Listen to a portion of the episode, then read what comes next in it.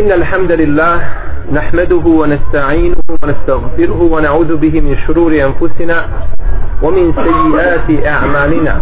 من يهده الله فهو المهتدي ومن يضلل فأولئك هم الخاسرون. وأشهد أن لا إله إلا الله وحده لا شريك له. وأشهد أن محمدا عبده ونبيه ورسوله وصفيه من خلقه وخليله. أدى الأمانة وبلغ الرسالة ونصح الأمة وكشف الله تعالى به الأمة وجاهد في الله حق جهاده حتى يتعب اليقين. اللهم اجزه عنا خير ما جزيت نبيا عن أمته ورسولا عن دعوته ورسالته. وصل اللهم وزد وبارك عليه وعلى آله وأصحابه وأتباعه وعلى كل من اهتدى بهديه واستنى بسنته واقتفى أثره إلى يوم الدين.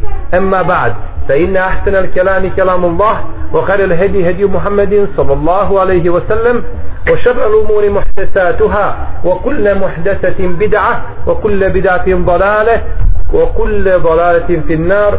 أما بعد مرة أخرى. Wallahu i tebarak je vod ta'ala vjeri islam. Assalamu alaikum wa rahmatullahi wa barakatuh. Kao prvo. I neka je vječna zahvala našem gospodaru Tebarak je Ta'ala koji nas je okupio večeras u jednoj od Allahovih Tebarak je Ta'ala kuća da slušamo njegove ajete i da slušamo hadise poslanika sallallahu alaihi wa sallam. Da se podsjećamo na našeg gospodara. I nema vrijednije stvari od toga da čovjek sluša Allahove dželevala ajete i da ih razumije i da ih primjenjuje u svome životu. Jer ga uzvišeni Tabarak je otala stvorio zbog rada i zbog djela. Pa je velika blagodat da možemo zajednički sjediti i jedni druge podsjećati na naše gospodara Azzeođel na ono što nam je naredio i na ono što nam je zabranio. Poslanik sallallahu alaihi wasallam je rekao kada se jedan narod okupi u jednoj od Allahovih kuća da slušaju njegove ajete Allah Đelešanu pošalje svoje meleke da svojim krilima obaviju taj međlis. A mi znamo da je u melekima svaki hajr i svako dobro i da u melekima nema zla i da su to Allahova tebarak je otala bića koja je stvorio svjetlosti koja su mu pokorna i nisu mu nikada nepokorna bila. Da nas obaviju melaj, meleki svojim krilima i da la Allah dželevala spusta na nas svoj rahmet. I da nas uzvišeni spomene kod onih koji su kod njega. Šta mislite da Allah te barek ta'ala kaže? Moj brat Muhammed Nuh, Jusuf, Ibrahim je u tome, na tome i tome mjestu sa mojim odabranim robovima. Došao je da sluša moje ajete i da sluša hadise moga poslanika Muhammeda sallallahu alaihi sallam. Zar to nije velika blagodat. Da Allah te barak je otala nekoga od nas spomene po imenu. A znajte da nas uzvišeni spomene kada se okupimo na ovakvom mjestu pa ne mogu se nikada isporediti oni koji se okupljaju u Allahovim tebarake o ta'ala kućama i slušaju njegove ajete i hadise poslanika sallallahu alaihi sallam i koji se poučavaju svojoj vjeri ne mogu se nikada isporediti sa onima koji idu lijevo i desno na koje Allah žanu spusta svoje pokleso i svoj, svoju sržbu. To se nikada ne može isporediti. To su dvije krajnosti to su dvije suprotnosti koje se nikada ne mogu pomiriti. Pa je blagoda da se okupimo ovdje da slušamo ono što ćemo slušati inša Allahu Teala. Kada bi čovjek došao ovdje da nikakve druge nagrade nema osim da ga meleki obaviju svojim krilima bilo bi dovoljno. Ništa drugo da nema nikakve nagrade da ne čuje ništa. Niti da ima drugu nagradu osim toga da ga meleki obaviju svojim krilima i da Allah spusta svoj rahmet to bi bilo, bilo dovoljno. Zbog čega ljudi idu na sunčanje? Na ljetovanje čine ono što je Allah te barek je tala zabranio. Zbog čega? da ga sunce malo isprži zbog toga ide. A šta mislite kada te melek je obavio svojim krilima? Pa vidiš u društvu meleka. A ko je u društvu meleka? Ne pitaj za njegovo stanje. On je u svakom dobru i on je u svakom hajru. Kao što je onaj ko je u društvu šeitana poput onih koji vi čujete i koji vas ovdje zijete i ometaju sada u njima nikakvog hajra nema i nikakvog dobra. To su dvije suprotnosti pa je znači blagodat Allahova te barake je otala koju trebamo iskoristiti i ne trebamo je nikako propustiti. Pa da čovjek ne čuje ništa novo sačuvao si se da ne čuješ neko zlo. Ili sačuvao si svoj jezik da ne pričaš zlo i tako dalje. U svakom slučaju ti si u hajru. Pa ćeš obaviti namaz u džematu.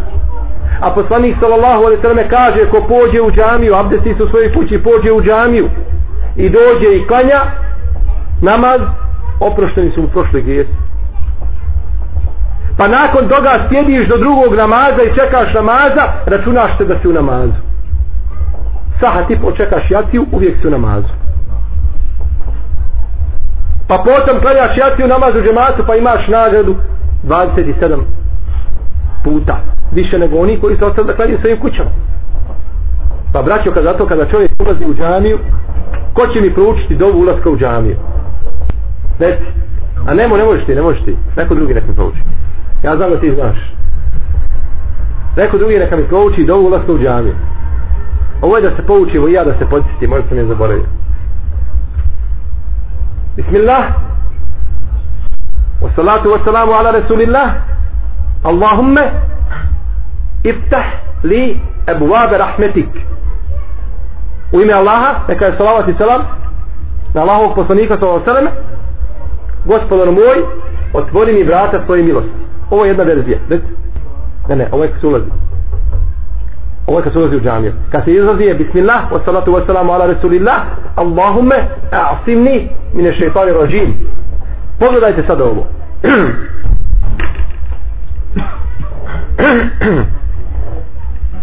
Pogledajte dove koju smo proučili.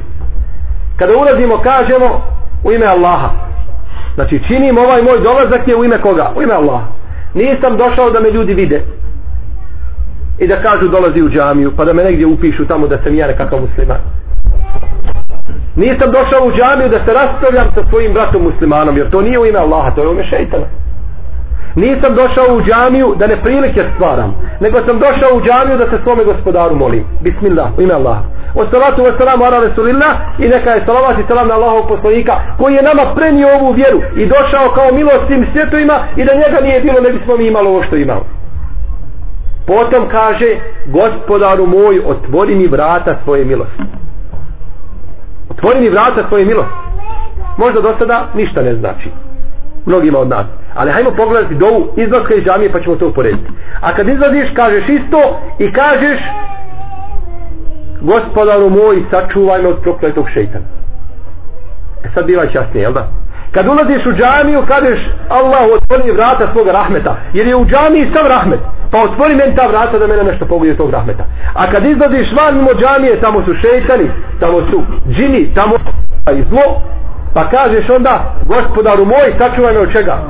Od prokletog šeitana. Jer čovjek će izići nakon džamije na pijacu. A pijace su? Najmrže mjesto gospodaru te barak tala, je tako? Kako kaže poslanik sa ovom najdraže kuće i najdraža mjesta su Allahu džamije a najmrže su mu pijace ne znači da je zabranjeno ići na pijac nikako. Na pijac se može ići ali na pijac je prevara podvala laž dizanje glasova šećetski a nema spominjanja Allaha. Kada iziđe na pijace i u muslimanskim zemljama čućete kako viće samo pošto je nešto, kako je nešto i tako dalje ako ima nešto bit će laž ako spomene ajet bit će spomenut u kontekstu da se nešto podrži. Pa ćete naći čovjeka koji je šnajder krojač u arapskom svijetu stavi iznad sebe ajet u kulle še'in fasalnahu tafsila. I mi smo sve po mjeri odredili. Kaže vidite da je to sve po mjeri hoće podržati svoj posao jel? sve je po mjeri. Pa je krojač radi sve po mjeri jel tako? Pa hoće na taj način podržati svoj posao čovjek dođe i prodaje patliđan i kaže rekao je poslanik ko pojede patliđana toliko nagrada tak hadis izmislio. Allah dragi znam patliđan opšte bio prisutan ne poslanik znači nema nekog hajra a u džamijama je hajr.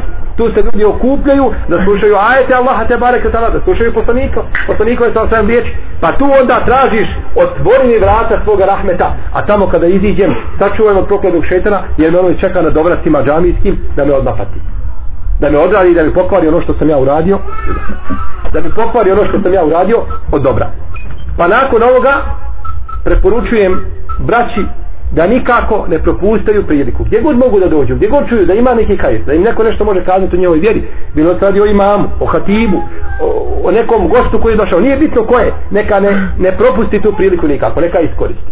I naći će to na sudnjem danu. Naći će to na sudnjem danu. Ja ću vam kazati jednu stvar za koju će mnogi od vas možda se začute. Džure neka gore ja ću objasniti. Dolazak u džamiju i sjedenje i slušanje predavanja i vazova islamski koji su građeni na Kur'anu i na sunnetu su Allahu draži nego da od nas neko stoji tamo u drugoj prostoriji da klanja dobrovoljni namaz na pilu farz nije, farz je nešto što je najbitnije ali da neko dođe da se poučava šta je Allah rekao i šta Allah traži i šta Allah brani i šta naređuje draže je Allahu nego da neko sjedi tamo i da klanja ili da uzme Kur'an da uči i da plaće veća nagrada. Zašto? Zato što čovjek kada klanja ta se dobra djela pišu kome? Samo njemu. I da kažemo njegovoj babi, mami, po hadisu, jel? Hajde. No međutim, kada čovjek uči znanje, ti ćeš naučiti se šta znači jedan ajet ili šta znači jedan hadis, pa ćeš otići kazati svojoj ženi, svome djeci, svoje majici, svome ocu, porodici, društvu u kome živiš, pa će biti korist općeg karaktera. Svako će imati znači korist od toga što se poučavamo. Zato poslanik sa kaže fadlu na ilmi ala fadli na ibade je fadli ala ednakum odlika sticanja znanja nad odlikom ibadeta je kao moja odlika nad najmanjim od vas i najnižim od vas kod Allah svojim ashabima. Pa je sticanje znanja preče od dobrovoljnog ibadeta bilo kog dobrovoljnog ibadeta. Bilo da se radi o učenju Kur'ana o namazu, o postu, o bilo čemu. Sticanje znanja je preče. Jer će čovjek steći znanje i raditi po znanju. Allah nas duži da Allah nas te barak da duži da radimo po znanju po znanju da radimo pa zato kaže الذي خلق الموت والحياة ليبلوكم أيكم أحسن عملا koji je stvorio život i smrt da bi vas ispitao ko će od vas lepše raditi ne više, pazite nego lepše zato će na sudnji dan doći čovjek koji se puno molio Allahu a nije imao doći će sa namazima koja će prekriti svod nebeski i ibadetima koje je činio. A učen čovjek će doći sa malo ibadeta. Nema ni, ni 2% od onoga 10% od onoga što on ima. A zaradit će stepene koje neće zaraditi ovaj. Zato što je ovaj radio kako? lepše.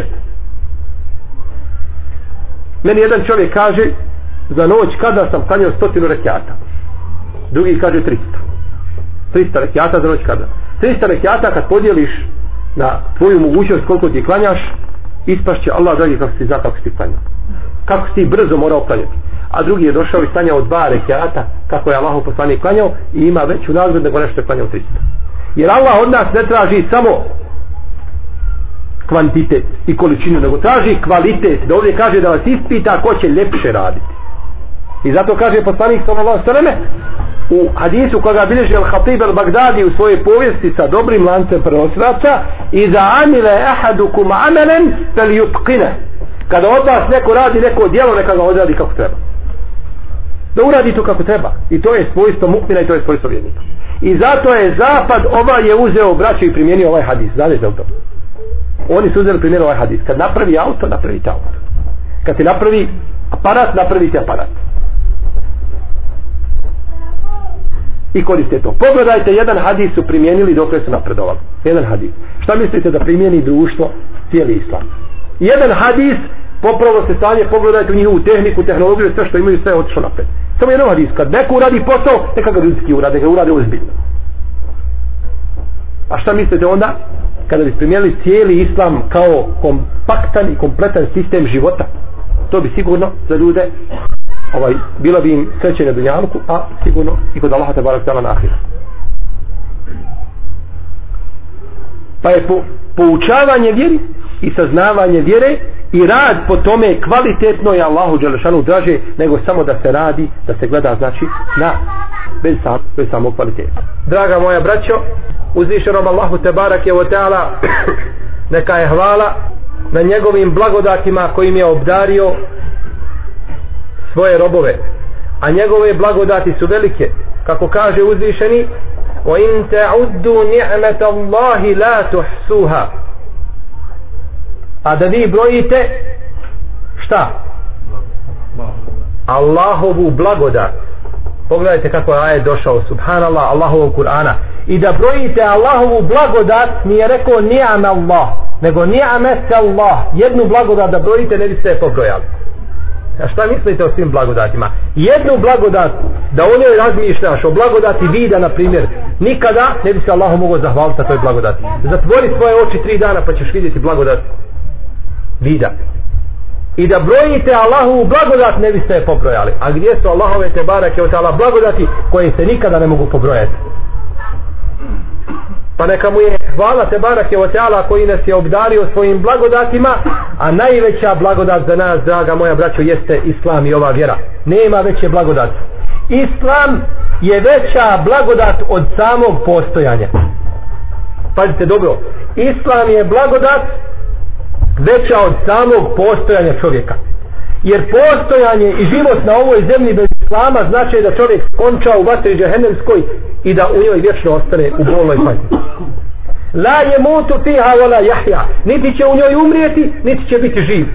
Smrti nema, treba se patiti, a kakav je to život koji je protkan patnjom i vatrom džahennemskom neprestalnim azabom i kaznom Allahom te barake o tebi a život sa islamom znači da čovjek uči uđe u vječna dženevska prostranstva pa je bolje ne postojati nego postojati bez islama. Zato će nevjernik na sudnjem danu kazati jeume je kulul kafiru ja lejteni kuntu turaba. Onoga dana kada će nevjernik kazati da Bog do da sam crna zemlja ostao. Da nikad proživljen nisam bio nikada stvoren nisam bio. Jer braćo kada dođu na sudnji dan sa čovjekom koji je najviše uživao na ovoj zemlji sve je imao ništa mu nije nedostajalo. Pa će ga uzeti Allah te barake od i narediti da ga jedan tren umoče u džehennem. Samo trenutak, trep taj oka i da ga izvede napolje. Pa će ga upitati robe moj jesi li ikada ikakva dobra vidio? Pa će kazati Allahu dragi nikad nikakva dobra nisam vidio i doživio. Zbog jednog tog trenutka sve će zaboraviti blagodati koje je uživao ovdje na zemlji pa će Allah te barak je tada narediti da dođu za čovjekom koji je najviše patio na ovoj zemlji musliman koga je svako proganjao ugnjetavao njegova osnovna ljudska prava mu oduzimao. Pa će ga Allah te barak tada uzeti narediti da se umoči samo jedan trenutak crtaj oka u džennet. Pa će ga upitati robe moj jesi li ikada ikakva zlo, zla vidio i doživio? Pa će kazati Allah nikad ništa sve nije je bilo u redu zaboravit će sve što je proživljavao zbog te jedne, zbog tog jednog trenutka.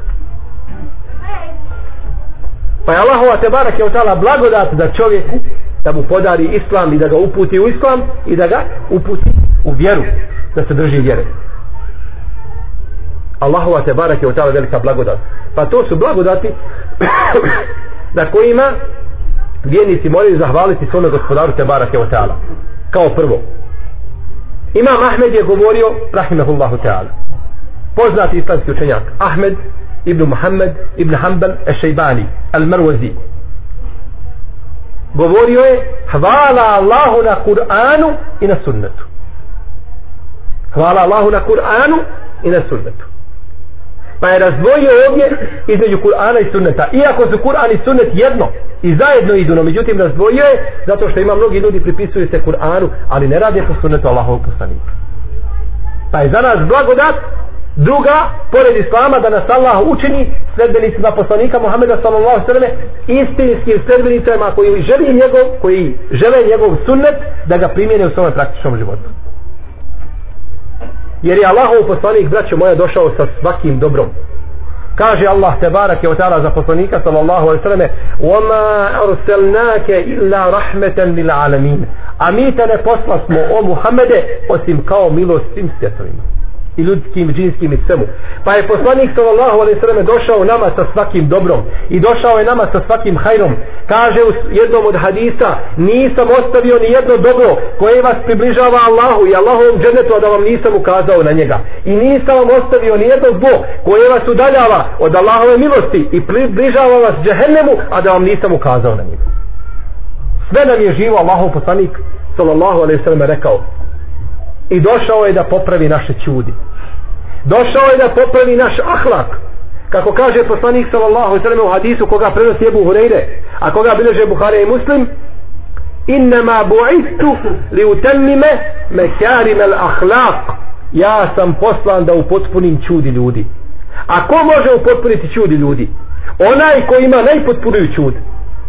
Allah te bare tela je rekao za poslanika sallallahu alaihi sallam wa innaka la ala khuluqin azim. I ti si zaista Muhammed najpotpunije čud pa je došao nam najbolji profesor i najbolji učitelj i najbolji hatib i najbolji poslanik da nas pouči najbolje.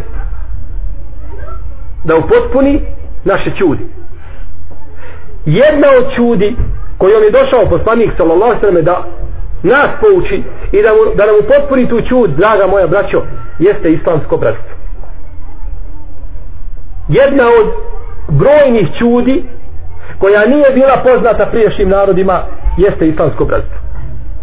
Prije nego što počnemo govoriti o ovoj temi, a nećemo samo govoriti o islamskom bratstvu, nego ću vam govoriti o nečemu što je više od islamskog bratstva. Doći ćemo do toga. Moramo napraviti jedan kratki uvod. A to je da pogledamo stanje Arapa prije Islama. Pred Islam stanje Arapa i mušrika idolopoklonika koji su bili. Znadete li da su Eus i Hazreć dva plemena u Medini vodili dugogodišnje ratove zbog toga što čovjek ubije devu čovjeka. Čovjek ubio devu drugog čovjeka zbog toga što je ušao u njegovo dobro, poljoprivredno, opasla ga i on je ubije. I zbog toga se vode dugogodišnji ratovi. Nije ih ništa moglo smiriti. Zbog sitnice jedan na drugoga i tako je ostao islamski ta, ne islamski nego taj svijet u tom džahilijetu dugo vremena u ratovima i neprijateljstvu zbog raznih sitnica. Zbog, zbog običnih sitnica. Ništa ih nije moglo pomiriti. Ni to zajednički što žive u jednom gradu. Ako ih napade neprijatelj oni se moraju braniti od jednog neprijatelja. Nije ih to moglo pomiriti. Nego su uvijek radili jedni poslije drugi.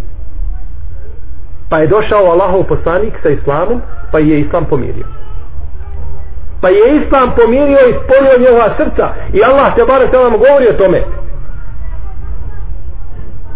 I da si uložio ti Muhammede kaže Allah Želžanu sve što je na zemlji ne bi pomirio njihova srca. Ali je Allah spojio njihova srca i pomirio ih. Pa je Allah učinio braćo. To je mogao samo islam uraditi niko drugi. Sve su probali ali nisu mogli spriječiti da smine te ratove. Pa je došao poslanik sa ostane sa ovom vjerom pa je pomirio i pobratio pobratio Eus i Hazređ koji su vodili dugogodišnje ratove između sebe. Pa je tako poslanik sallallahu alejhi ve selleme došao da poprati muslimane. I prvo što je Allahov poslanik uradio kada je došao u Medinu, izgradio je džamiju. I drugo, popratio je Ensarije i Muhadžire. Izgradio je džamiju da ljudi gdje imaju da obožavaju svoga gospodara Tebara Keotala i da odnosi između društva medijinskog tadašnjeg i njihovog gospodara budu čvrsti. To je s jedne strane. A sa druge strane je pobratio muhađire i ensarije da učvrsti međuljudske odnose u jednom društvu. Pogledajte mudrost. Pa možete zamisliti u kome ljudi obožavaju svoga gospodara i njemu pokorni s jedne strane i sa druge strane voli je, vole jedni druge i svi su braća. Može li neko nauditi takvom društvu? Ne može, vallahi, i nisu ni mogli. Vidjeli ste šta su dobili. I kako su se suprostavljali silama. Jer su građeni, izgrađeni su na ispravnim temeljima. A kada su temelji ispravni, bit će ispravna izgrada i zdanje. U protivnom, sve to pada, sve to pada u vodu. Uzvišeni Allah te barak je otala u Kur'anu obavještava i obraća se svim vjernicima pa kaže innemel mu'minune ihvan innema vjernici nisu ništa drugo do braća pogledajte kako je hajde došao. I vjernici ne mogu ništa drugo biti do braća. Nije rečeno vjernici su braća.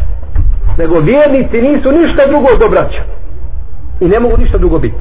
Nego samo kao braća. Pobratio Allah te barak je otala sve vjernike. Bez obzira na njihovu nacionalnu, ovu i onu pripadnost, svi su vjernici braća. To je veza koju uspostavio Allah te barak među vjernicima. Pa je nakon toga došao poslanik sa Osanom i pojasnio propise brata muslimana prema njegovom bratu muslimanu. Pa kaže u hadisu, koga bileže muslimi tirmizi od Ebu Hureyre radijallahu ta'ala anhu da je poslanik sallallahu sallam rekao el muslimu ehul muslim la jehunuhu wala jekzibuhu wala jahzunuhu musliman je brat muslimanu. Neće ga iznevjeriti i neće na njega slagati. I neće ga iznevjeriti. Bi hasbi imrin mine šrri en jahtekire ehahul muslim i dovoljno je čovjeku zla da ponižava svoga brata muslimana. Pogledajte preciznio. Neće ga iznevjeriti. Neće na njega slagati. I neće ga pronevjeriti. I dovoljno je zla muslimanu da ponižava svoga brata muslimana. U drugoga bilježe i muslim od Ibnu Omara, poslanik sallallahu alaihi sallam kaže el muslimu ehul muslim la javlimuhu wa la yuslimuhu men kane fi hađeti jehihi kane Allahu fi hađetihi. Musliman je brat muslimanu. Neće mu nepravdu činiti i neće ga neprijatelju predati. Neće ga neprijatelju predati. Ako bude u službi svome bratu muslimanu, Allah će biti njemu u službi. Ko bude u službi svome bratu muslimanu, Allah će biti njemu u službi. Poslanik sallallahu alejhi ve selleme kaže ko ustane po noći i dovi za svoga brata muslimana, kada god kaže nešto, kaže melek da to kaže: "Wa laka mislu zalik." Kaže isto tako. Ti dovi za svoga brata, a melek viče šta? I tebi isto tako. U redu. Kada čovjek dovi sam sebi, hoće li njegova dova biti primljena? Allah zna. Sam sebi doviš. Ali kada doviš svome bratu, melek tada viče i tebi isto tako. A dova meleka je šta? Primljena. Pa je znači bolje dobiti svome bratu nego samo sebi. Ste vidjeli? Doviš svome bratu, pa imaš i za svoga brata i za sebe. I za sebe imaš nešto što je još sigurnije. Imaš nešto što je sigurnije, jer melek viče i tebi isto tako. A melek nije ne, ne griješi, ne pogrešiva bića. A dova se ne prima roba zato što je pogrešio, ni zbog čega drugog. U njegovih grijeha. A melek nema grijeha pa će tvoje dova biti primljena Allahov roba. Pogledajte kako je Islam učinio islamsko bratstvo. I kako je spojio vjernička srca. U jednom hadisu stoji da se jedan čovjek uputio ka jednom mjestu da posjeti svoga brata muslimana. Pa je Allah Žešanu poslao meleka u obliku čovjeka. Da ga presretne na da upita da si pošao. Kaže, pošao sam da posjetim svoga brata muslimana. A kaže, imaš li ti kod njega kakvu dunjalučku korist, ovo svjetsku korist, pa ideš zbog toga trgovina, tazbinstvo, nešto slično tome, zajednički rad nekakav, ortaci u nečemu. Kaže, nema ništa, idem samo zbog Allaha da ga posjetim. Kaže, ja sam poslanik od tvoga gospodara. Poslao me da ti kažem da tebe Allah voli kao što ti voliš toga roba. Dobro. Ne znam šta da si činio od dobrih dijela. Ne zna se da će te Allah ženu zavoliti. No međutim, zavolio si svoga brata muslimana, pa te Allah zavolio zato što zavolio svoga. Ovo su odnosi koje Islam uspostaje među vjernicima. Poslanik sallallahu alejhi ve selleme kaže u hadisu koga bilježi imam Tabarani, draže mi je kaže da budem svome bratu muslimanu u službi da mu pomognem da uradim neku potrebu za njega, draže mi je kaže nego da boravim u ovoj mojoj džami mjesec dana u Itikapu da odem neku potrebu da učinim svome bratu, draže mi nego mjesec dana da borim ovdje i da činim i bazit. Zato što musliman ima pravo kod svoga brata muslimana. I dužan je da pomogne svoga brata muslimana. Ovo je, draga moja braća, islamsko bratstvo. Ili nešto sitno o islamskom bratstvu. O tome se može puno govoriti. Ali ja nemam nijet da vam govorim o tome i nemam namjeru. O tome smo nekada već davno pričali. Hoću sad da vam govorim o nečemu što je veće od islamskog bratstva. Što je više, stepen još veći od islamskog bratstva. Koji je nama, braće, danas potreban. Ako ga ne budemo imali, ne piše nam se dobro moramo imati ovo svojstvo. A došao je Allahov poslanik sallallahu alaihi wa sallam da nas pouči tome svojstvu i da ga usadi u naša srca i da nam pokaže on svojim praktičnim primjerom i njegovi ashabi. Šta je to i koje je to svojstvo? A to je svojstvo koje se zove el isar el isar a to je davanje ti drugom prije nego sebi samom pa da voliš drugom više nego sebi samom. To je braćo kulminacija i to je vrh i to je plafon islamskog bratstva. Nema nakon toga više većeg bratstva. Da voliš svome bratu muslimanu više nego sebi samom. Kaže imam El Đurđani u svome dijelu El Ta'rifat to je kaže naj, to su najveći oblici to su najveći oblici islamskog islamskog bratstva i to je kraj islamskog bratstva. ashabi poslanika sallallahu alaihi wa sallame pokazali su nam to praktično kako izgleda islamsko bratstvo kaže uzvišeni Allah te barake wa ta'ala والذين اتبعوا دار والإيمان من قبلهم يحبون من هاجر إليهم يحبون من هاجر إليهم ولا يجدون في صدورهم حاجة مما أوتوا ويؤثرون على أنفسهم ولو كان بهم خصاصة ومن يوق شح نفسه فأولئك هم المفلحون i oni koji su odabrali Medinu za mjesto boravka gdje će boraviti još prije njih to jeste ensarije prije muhađira vole one koji im dolaze kao muhađiri vole ih da im dođu i ne osjećaju u svojim dušama nimalo tegobe zato što im daju i daju njima prednost nad samima sobom iako je njima potrebno. A onaj ko se sastuva, sačuva škrtosti on je uspio. Uzvišen je Allah te barak je tada spominje ovdje stanje Ensarija. Ljudi dolaze kao izbjeglice kod njih. Inu iz Mek bježe sa svojom vjerom. Na nogama svojim stavi metak su ostavili mušicima pa i ovi vole i primaju ih i daju im i ne osjećaju svojim dušama nimalo te gobe mogu ja dati mu hađiru došao mi je mu hađir čovjek i ja mu dam. No međutim duša mi se cijepa od muke što sam mu dao. Nije to.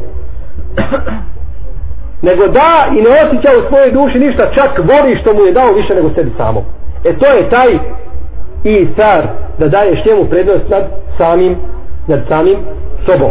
Kaže Enes Ibn Malik radijallahu anhu sluga poslanika sallallahu alaihi selleme pobratio je Allahov poslanik sallallahu alaihi selleme između Abdurrahmana ibn Aufa i Sada ibn Rabije el Ensarija. Znači između Muhađira prvog i Ensarije. Pobratio je između njih dvojice. Pa mu je rekao Sad Sad je rekao Abdurrahmanu ibn Auf kaže ja imam dvije žene. Imam kaže dvije žene. A ti nemaš žene? Dođi kaže pa pogledaj koja ti se više sviđa.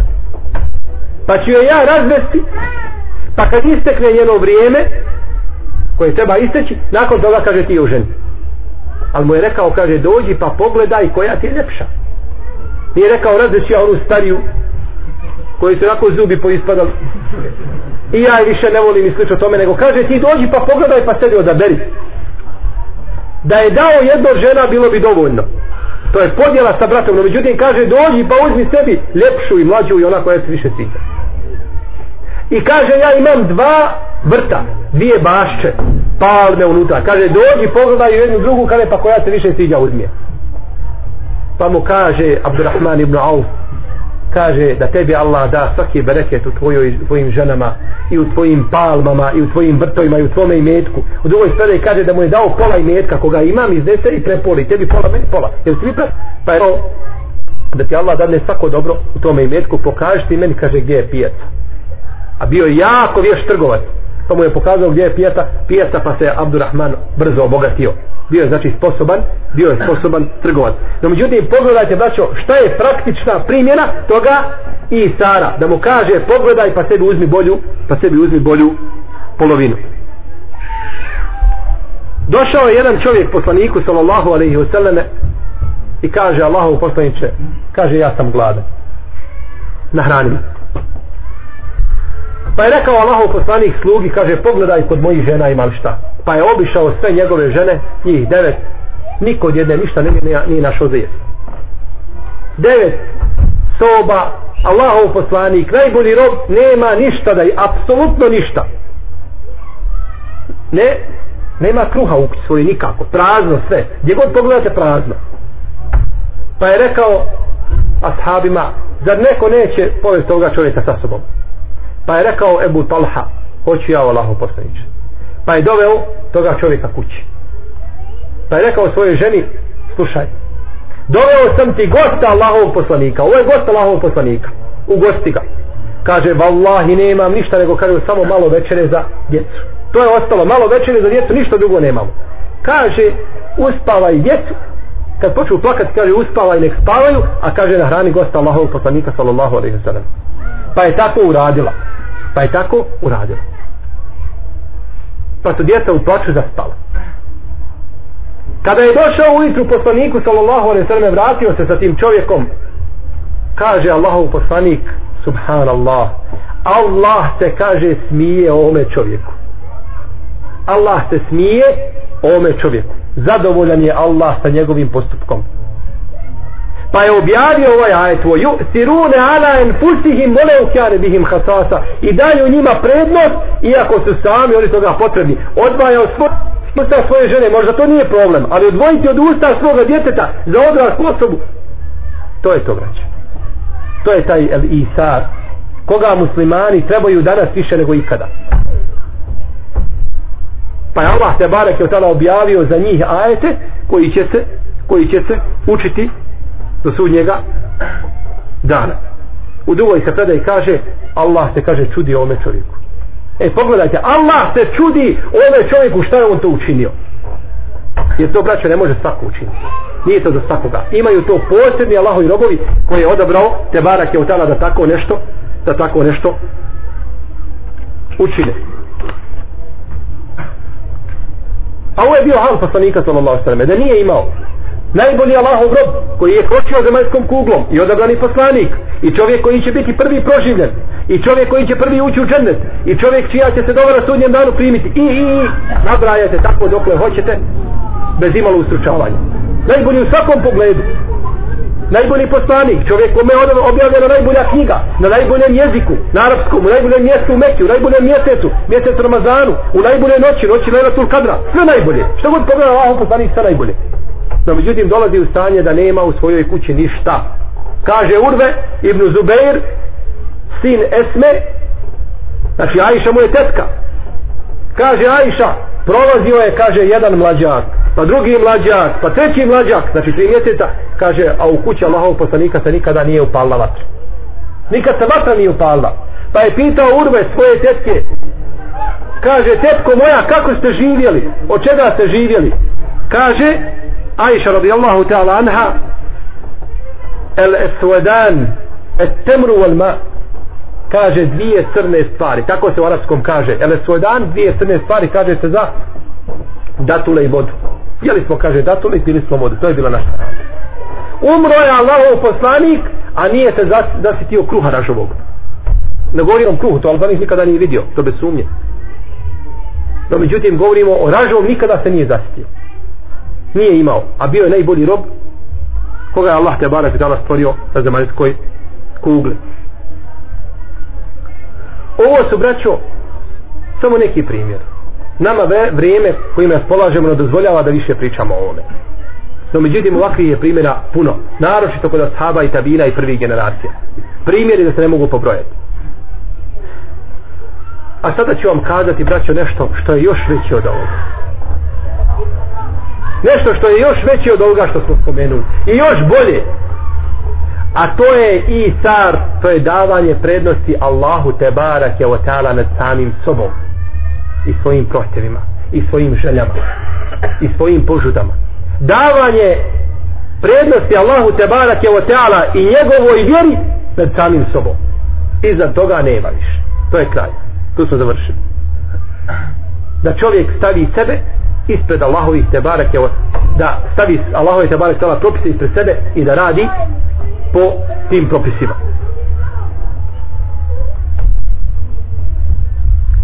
Pogledajte Allahovog poslanika i Salam. Odabranog Allahovog poslanika i miljenika. Za koga se kaže da je otac poslanika. Uzvišeni Allah te barak je u mu naređuje da učini stvar koja kada se nekima od nas kada bi se spomenula krv bi mu se u njegovim žilama zavedila. A, automatski. Allah mu uzvišeni naređuje da zakolje svoje vlastito dijete. Da zakolje svoje vlastito dijete svojom rukom. Ne drugi da ga dade da ga neko kolje, nego ti Ibrahime svojom rukom. Pa kaže uzvišeni Allah te barake o ta'ala فلما بلغ معه السعي قال يا بني إني أرى في المنام أني أذبحك فانظر ماذا ترى i kaže kada on odraste misli se na koga na Ismaila alaihissalam i kada odraste i poče sa svojim babom hodati šetati, poče sa svojim babom raditi i u njemu u svakodnevnim poslovima pomagati znači dijete u najljepšoj dobi rekao mu je njegov otac babo kaže sinčiću moj ja vidim kaže u snu ja buneje sinčiću moj ovako mu ovako mu se obraća sinčiću moj kaže ja vidim u snu vidio sam da trebam da te zapuljem. a snovi poslanika su istina u drugom u drugom hadisu se navodi da su snovi poslanika objava. Ali ovaj hadis ispravni u kome se kaže da su snovi poslanika istina kaže ja vidim u snu i sanjao sam da trebam da se zakoljem. Tenzur maza tara. Šta ti kaže misliš o tome? Šta ti misliš o tome? Kale ja ebeti fa'al ma tu'mer se teđiduni inša Allahu mine sabirin. Kaže o očiću moj pogledajte braćo odnosa oca i djeteta. Ovaj kaže sinčiću moj ovaj kaže očiću moj. Pogledajte Ibrahim a.s. kad se obraćao svome babi, onome za koga se kaže da mu je bilo ime Azer, kada je pravio i kestao, klesao kipove svojom rukom. Kada mu je rekao Ibrahim a.s. kaže, ja ebeti, la ta'budi šeitan, inne šeitane kjane li rahmane asija. Kaže, o očiću moj, nemoj obožavati šeitan, nepokoran svome gospodaru. Ja ebeti inni ka džajni min al ilmi ma lem jetike fetebijeni ehdike siratan sevija. O, očiću moj, slijedi mene, meni je došlo nešto od znanja što nije tebi došlo. Ja ću te uput na pravi put. Pogledajte kako mu se obraća. Riječima punim poštovanja kaže o očiću moj. Pogledajte kakav je rezultat bio.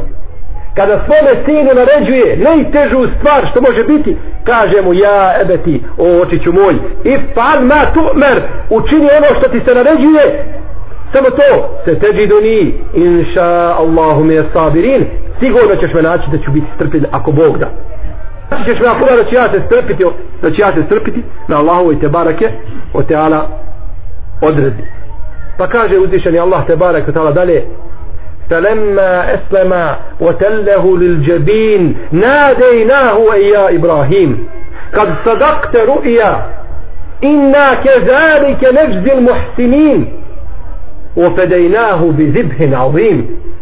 I kada on njega položi sa njegovim licem ka zemlji da ga prekolje.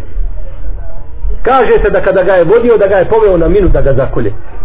Pa ga je šeitan presrtao kaže gdje ćeš to uraditi? Kako ćeš? Nemoj.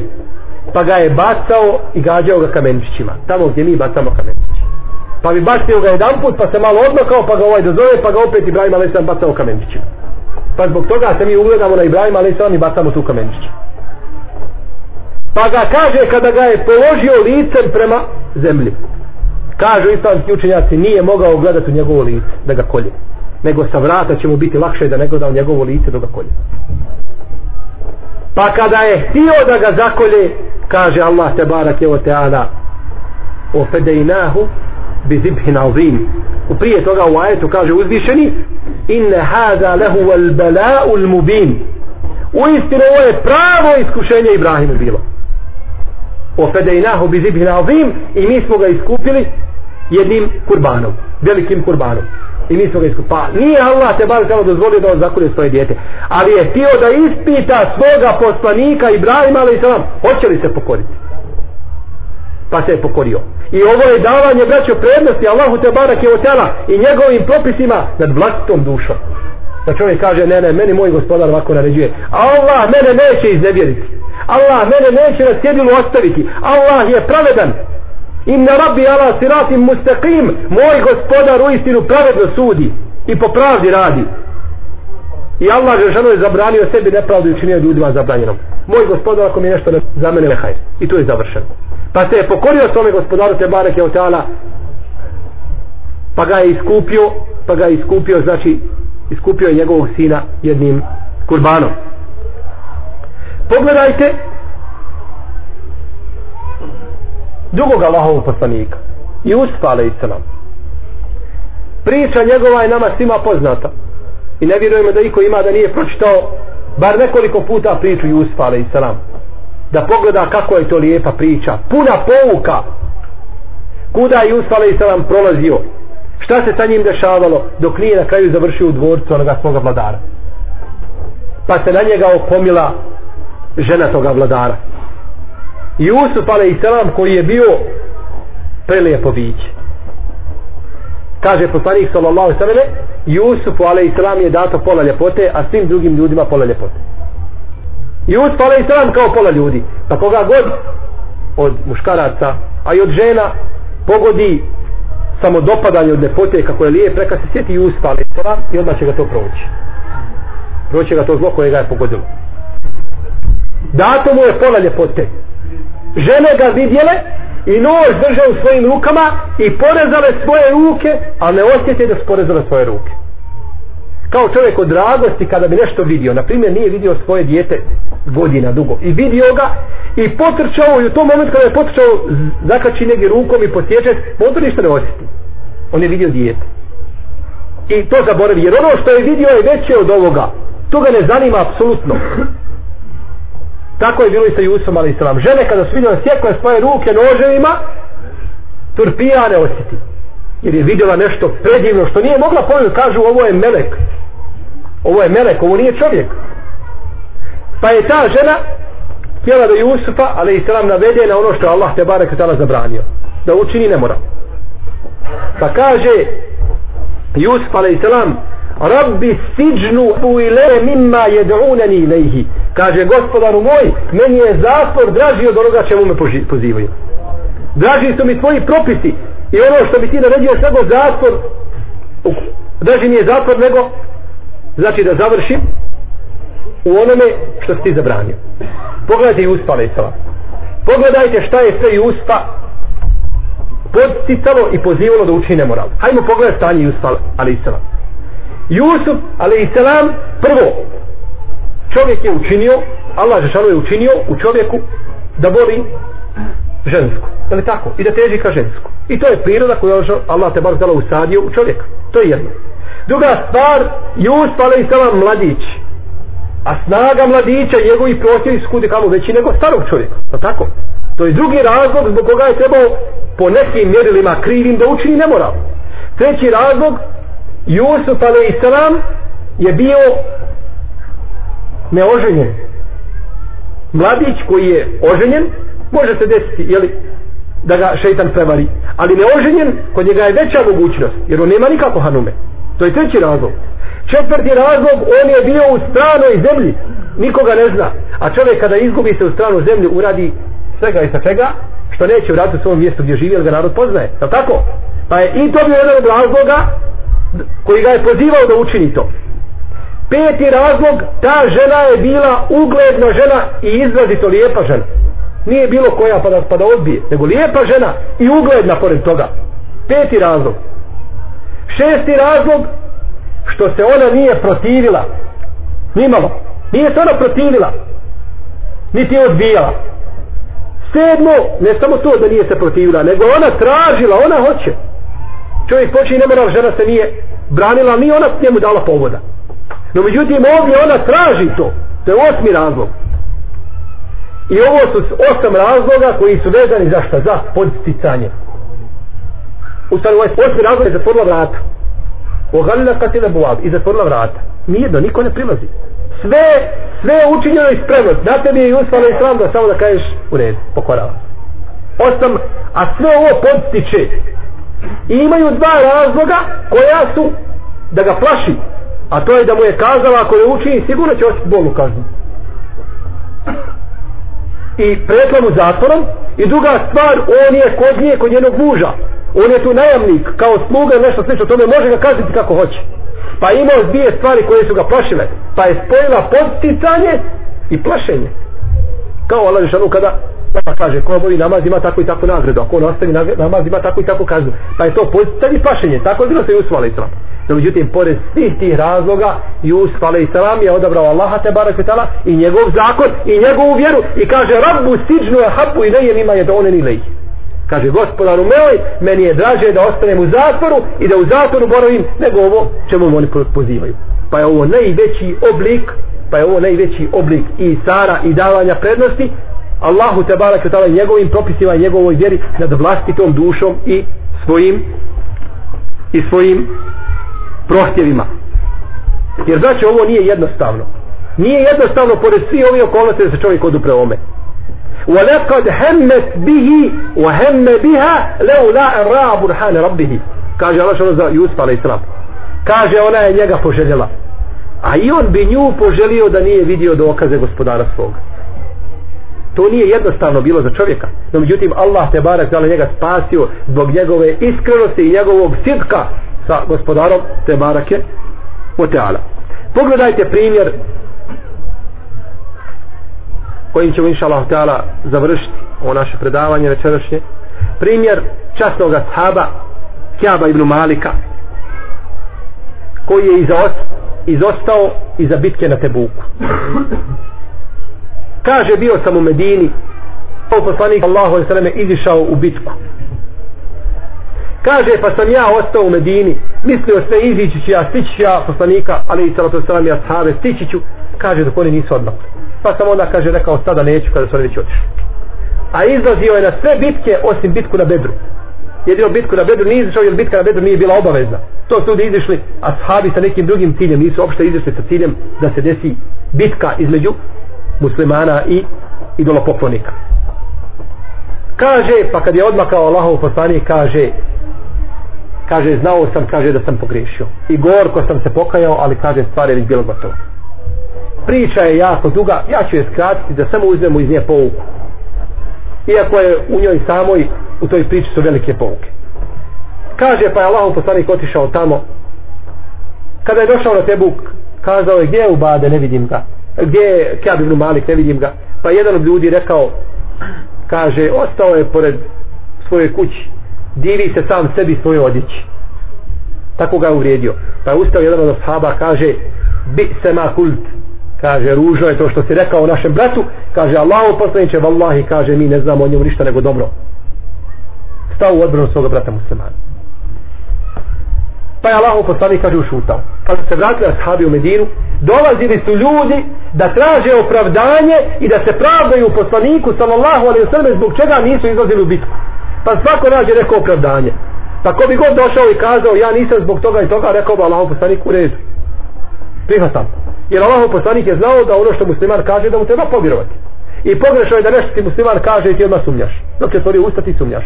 Kad ti nešto musliman kaže ti mu trebaš vjerovati jedino ako imaš argument da nije tako. Jasan argument i kategorički argument to je druga stvar. Međutim ako ti kaže vallahi bilo je tako i tako ti moraš povjerovati. To je među muslimanima da vjeruju jedni drugima. Kaže pa sam ušao kaže kod poslanika sallallahu alaihi sallam kaže kada me je vidio kaže te tebeseme tebesumel mugdab kaže kada me je vidio osmijehnuo se osmijehom ljuti tog čovjeka. Taj osmijeh je gori nego da je bio ljut je tako?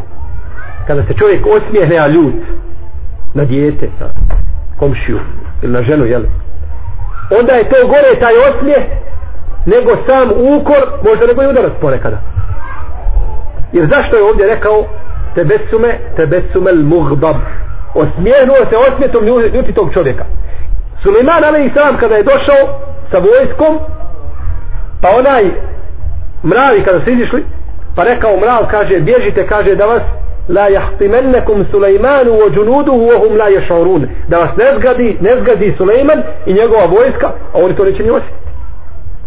Pa je to Suleiman ali sam razumio pa kaže fatebesseme dahike min kauliha pa je kaže Suleiman a.s. osmijehnuo se smijejući se od njenih riječi. Šta znači ovdje osmijehnuo se smijejući se? Znači zadovoljan riječima. Jer se čovjek može osmijehnuti a ne zadovoljan pa zato Allah žele pojasnio da je Suleiman a.s. bilo drago što je čuo te riječi razumio ih pa je rekao Allahu moj učini me da budem tebi zahvalan i tako dalje u ajetu kako se već navodi pa se kaže ovdje Allahov poslanik osmijenuo osmijehom ljuti tog čovjeka. Kaže pa sam znao šta je. Ali kaže gotovo je. Prišao sam Allahovom poslaniku i selam mu nazvao pa mi je rekao odgovorio na selam i rekao šta te je spriječilo o kjab da iziđeš?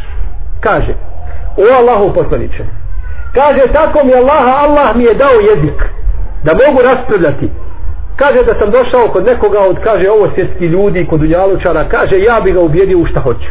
I morao bi mu povjerovati. Takvu, kaže moć rasprave imam. Da te kažem jedno pa te ubijedim u drugo. Kao što kažu za imama Ebu Hanifu da jednom čovjeku rekao kaže hodi mamu. e, nešto dozivao i kaže je vjeruješ šta da ovo istina što sam ti ja rekao? Kaže vjerujem. kad je sve slušaj pa mu je sve to pobio što je kazao i došao sa drugim argumentima suprotnim tome. Kaže vjeruješ da je ovo sad istina da ovo vamo ne vrijedi? Kaže vjerujem sad je ovo istina nije više ovo.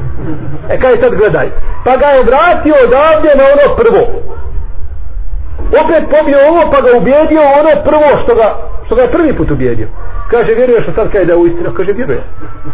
Imao je takvu moć rasprave imam Ebu Hanife rahimahullahu ta'ala da je mogao čovjeka ubijediti, da je imao moć i kuvet i huđet i dokaz pa tako bilo sa Kjavom Ibnu Malikom.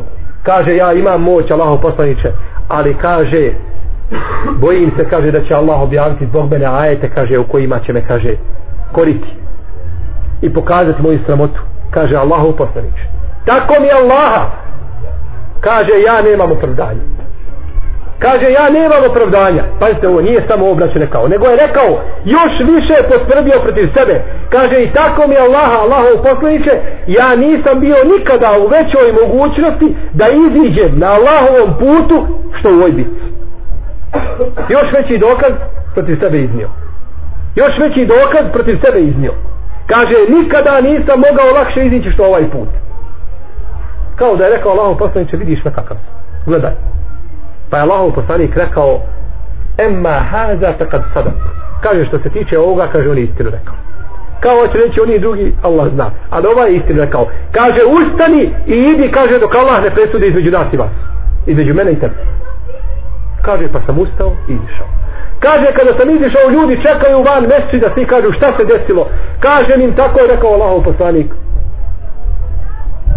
Kaže kažu pa što nisi rekao Allahom poslaniku neko opravdanje? Što mu nisi kazao? Kaže toliko su me ubjeđivali kaže dok da sam pomislio pa što se ja ne bi vratio Allahom poslaniku? I sam sebe ulažu utjeru da kaže ma nije tako nego imam ja opravdanje kaže izdo neko opravdanje. Pa sam kaže upitao još ne da mu je poslanik rekao kao meni kažu ima još dvojica. Ima Hilal ibn Umeje el Waqifi i ima Murarete ibn Rebija el Amiri ima još dvojica i ti treći. Tako je Allah poslanik. Kaže, ako je tako, kaže, onda ja više, kaže, neću se vraćati. Pa sam se, kaže, okrenuo i otišao. Kaže, u tome momentu izstao sam na suk, nakon izvestog vremena, dolazi mi, kaže, pismo od jednog vladara iz Šama, nevjedičkog, kaže, čuo sam, kaže, da te, o, Kjab ibn Malik, kaže, čuo sam da te tvoj Mohamed odbio, dođi, kaže, meni da te ja ugostim i da ti ja dam pola svoje vlasti, dođi meni. Kakvo je to iskušenje, braćo? Allahov poslanik ga odbio i zabranio cijelo medijskom društvu da kontaktira sa njim. Nikomu ne smije selam nazvati, nikomu ne smije, ništa mu ne smije kazati. Izolirao ga potpuno, a dolazi mu sad s druge strane poruga, kao čovjek dođe u firmi, radi i dobije otkaz negdje i onda ga drugi poziva, dođi vamo, radi kod mene i sliša tom. A taj posao ili haram ili nešto finala nije zadovoljen. Pa je to za njega iskušenje revolt da bude da kaže pa da mu se dozove. Kaže pa sam rekao ovo je još jedno iskušenje. Kaže pa sam uzeo tu cedulju i potpalio sam njom vatru. I kaže nakon toga sam kaže izlazio hodam među ljudima po pijet nazivam selam kaže nikom e, ne odgovara. Pa sam kaže otišao kod Ebu Katade, moga Amidžića, meni najdražeg bića što ima u Medini i u zemlji, što postoju ljudi mimo poslanika sa kaže najdraži mi čovjek kad je otišao sam njemu, pa sam rekao, pa sam mu nazvao selam. Kaže, pa mi nije odgovorio. Pa sam mu nazvao selam, kaže, pa mi nije odgovorio. Pa sam mu treći put nazvao selam, pa mi nije odgovorio, kaže, pa sam zaplakao. Pa se kaže, moje oči počele prilevati suzama. Kaže, osoba koju sam najviše volio i ona neće da mi na selam odgovori. Kaže, pa sam rekao, o je Bukatade, Allahom te preklinjem, zar ne znaš da ja volim Allaha i poslanika? Pa je rekao, o je Bukatade, Allah najbolje zna. I ušuta. Allah zna. Kad si volio, što li si izišao? Pogledajte, braćo, samo jedna sitnica za mnoge ljude od ashaba. Da mu džehennem učini ovim dunjalukom. Ovaj dunjaluk džehennemom. Kako piše Allah, Allah te barek ta'ala wa ala salasati alladhina khulifu hatta idha daqat alayhim al-ardu bima rahubet I ona trojica koji se izostali za bitke sve dok im nije zemlja tjesnom koliko god široka postalom. I njihove grudi se stjesne i hoće i da se rastukne. Zemlja široka, ali kuda pobići na toj zemlji? Nigdje nema mjesta, jer su tvoje grudi stjesile se. Pa kaže on, i bilo je onako kako je Allah objasnio. I kako je pojasnio. Kaže, zemlja vallahi tjesna. I grudi, kaže, tjesna. Kaže, pa sam se okrenuo i otišao. Uđem, kaže, u džamiju i nazovem selam. Kaže, i mislim se da li je Allahov poslanik, kaže, pokrenuo svoje usne ili nije. Je li odgovorio na selam, kaže, gledam u ustanište. Kaže, kada stanem u namaz, kaže, ja ga potkradam ispod oka, Allahov poslanika. Kaže, kad on se okrepe na meni, kaže, ja se uspravim, kaže, kao, da ništa ne gleda. Kaže, kad on opet obori pogled, kaže, ja gledam kako, kako postupa, kako reaguje. Teška situacija za čovjeka koji je bio među ljudima, bori se, izolirali ga. Pa je, kaže, Allahov poslanik naredio da se naše žene odvoje od nas. To je još veći musibet, nemaš nikoga sam. Pa sam, kaže, otišao u svojoj kući, i boravio, kaže, u svojoj kući.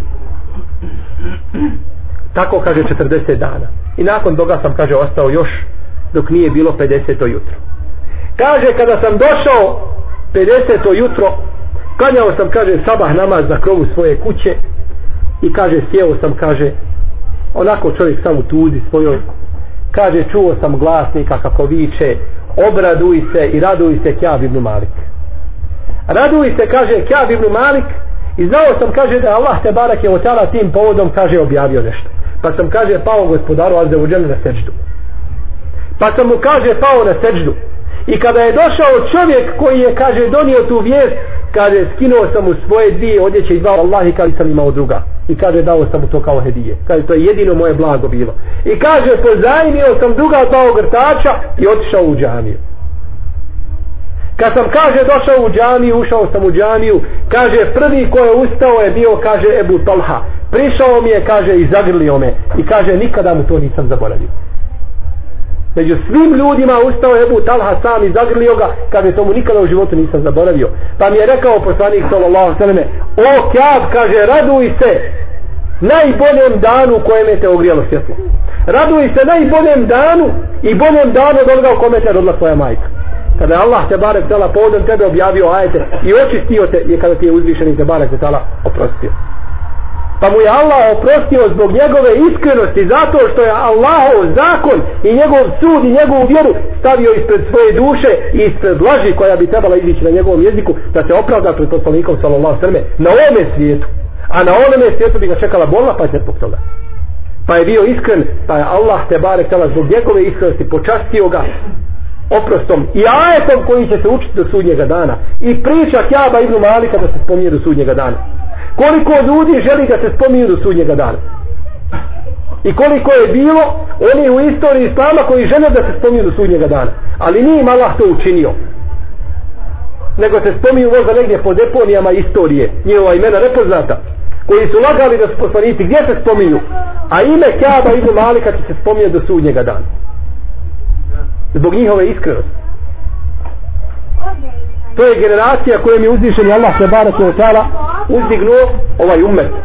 I kojom je počastio ovaj umet i to je generacija koja je nama uzor i na koju se mi trebamo pozivati.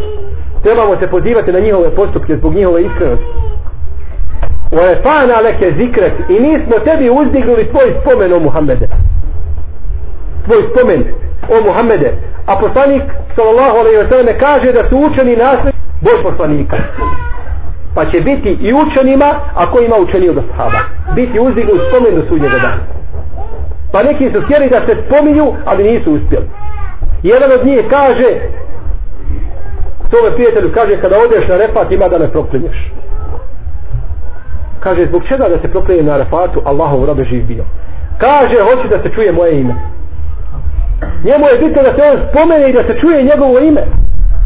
Mjesto da je uzeo, da je radio dobra djela, pa da ljudi, da se pozna kod ljudi kao učen, kao bogobojazan, iako mu nije to cilj da pričaju, kaže, spominjem, kaže, bitno je, kaže, da ljudi čuju moje ime, da se ja spominjem. Nije bitno u kom kontekstu.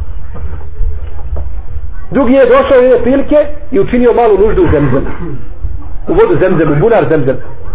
Pa kada su ga uhvatili, kažu zbog čega, kaže da se moje ime spominje da uđe u istoriju. Sam ja to učinio. Znači, bitno bitno da se spominje. A sahabi nisu tako razmišljali, nego su činili, radili djela, pa je ostao njihov spomen uzdignu do sudnjega dana. I ostaće da se spominju po hajru i po dobru po sudnjeg dana. I kažem, vallahi, da ovi ljudi, braće, ništa nisu radili. Osim toga da drugi gledaju št, ovaj, da spominju njih i da viču, Allah im se smilovao, rahimehumullah, rahimehullah, radijallahu anhum, oni bi zavadili džennet. Pa pogledaj milioni muslimana kroz generacije da je jedan imam Ahmed kaže Allah smilovao Kjavu ibn Maliku. Pa jedan imam Malik kaže pa Ebu Hanife, pa Ibn Abdul Ber, pa e, Šafija, pa Muzani, pa Allah bi se njima smilovao zbog dove ovi ljudi drugim muslimani. Da nisu činili ova djela koja su činili. A šta mislite onda kada su činili? Ovo, draga moja braća, o čemu smo govorili? Ovo je naš izbor sa koga mi moramo uzmati snagu i našu energiju. Mi nemamo druge energije i nemamo druge snage mimo ove. Ovo je naša jedina snaga. Kogod bude pokušao tražiti drugi put ili uzmati snagu ili gledati ugled u drugim ljudima, mimo ovih, on je propao u startu svome. Neće uspjeti nikada. Neće uspjeti nikada. Jer ih je Allah te bare tjela pohvalio u Kur'anu i poslanik sallallahu sallam u sunnetu svome i u lema je složa da je to najbolja i naj odabranija generacija, ali ikada na zakoj kugli. Džilun terid, odabrana generacija, kakvo i nema para i kako se nikada više neće pojaviti na sudnjem danu. Zato je braće nama obaveza da izučavamo siru ashaba poslanika sa osrem i pravednih i tih odabranih prvih generacija da se vladamo po tome pa kako kaže jedan arapski pjesnik in lem tekunu mislehum fetešebbehu ako ne možete biti kao oni sledite njih. Budite bar ličite njima. Ko od nas može slediti ne sunnet poslanika sallallahu sallam sunnet jednog od kule i širina koga može slediti sunnet Osmana radijallahu anhu u predaji koju bilježi imam Lali Kjaji i drugi sa ispravnim lancem prenosilaca se navodi da je Osman radijallahu anhu jedne večeri došao iza Mekamu Ibrahima u Mekci i stao i na jednom rekiatu proučio cijeli Kur'an. Na jednom rekiatu i predaja vjerodostojna kako kaže Ibnu Hadžar u svome dijelu Fethul Bari. Da ti se koža na tijelu naježi. Cijeli Kur'an i to šta je uradio? Omotao svoje lice da se ne zna da je to Osman. Da niko ne kaže halifa je pobožan. Dobro, zar mimo tih ljudi tražiti uputu? I mimo tih ljudi tražiti ugled? I mimo njih tražiti uzora, to bi bio pravi absurd i to bi bio pravi tauš. Znači obavezano da u njima gledamo uzora, pa ne bi se Allah te barek je tala smilovao i nama i uveo i nas u dženevska prostanstva sa njima, sa iskrenim dobrim i šahidima i poslanikom sallallahu alaihi sallam a divni su oni društvo Allahu ta'ala alam wa sallallahu ala nebina Muhammedinu wa ala alihi wa sahbihi ajma'in. Wa jazakumullahu khair a mi smo ovim, draga moja braćo, da se Allah prvo nagradi sviju što ste došli ovdje, da uveličate ovaj naš skup, da nas počastite vašim dolaskom. Završili ovo naše druženje, mi smo večeras putnici, moramo ići, obaveza je puno, vremena je malo. Znači ovim smo pridali naše druženje kraju, kako će nakon toga biti, vi imate ovdje vašeg imama i on, oni znaju sigurno program i dalje rad. No, međutim, u svakom slučaju mi moramo ići molim. A, ja bih ovom prilikom zahvalio znači braći prije toga bih se zahvalio našem imamu, Feliju Jusufu da ga Allah nagradi svakim dobrom džennetom što nas je primio ovdje i džematskom odboru i predsjedniku džemata i svima onima koji su omogućili nama ovdje ovaj ovako lijep boravak u ovome mjestu i potom vama koji ste se odazvali znači na ovaj skup. Molim Allaha te barake o teala da onako kako nas je spojio u ovoj džami da nas isto spoji u džennetu i da se prisjećamo ovoga našeg skupa. Allahu ta'ala amen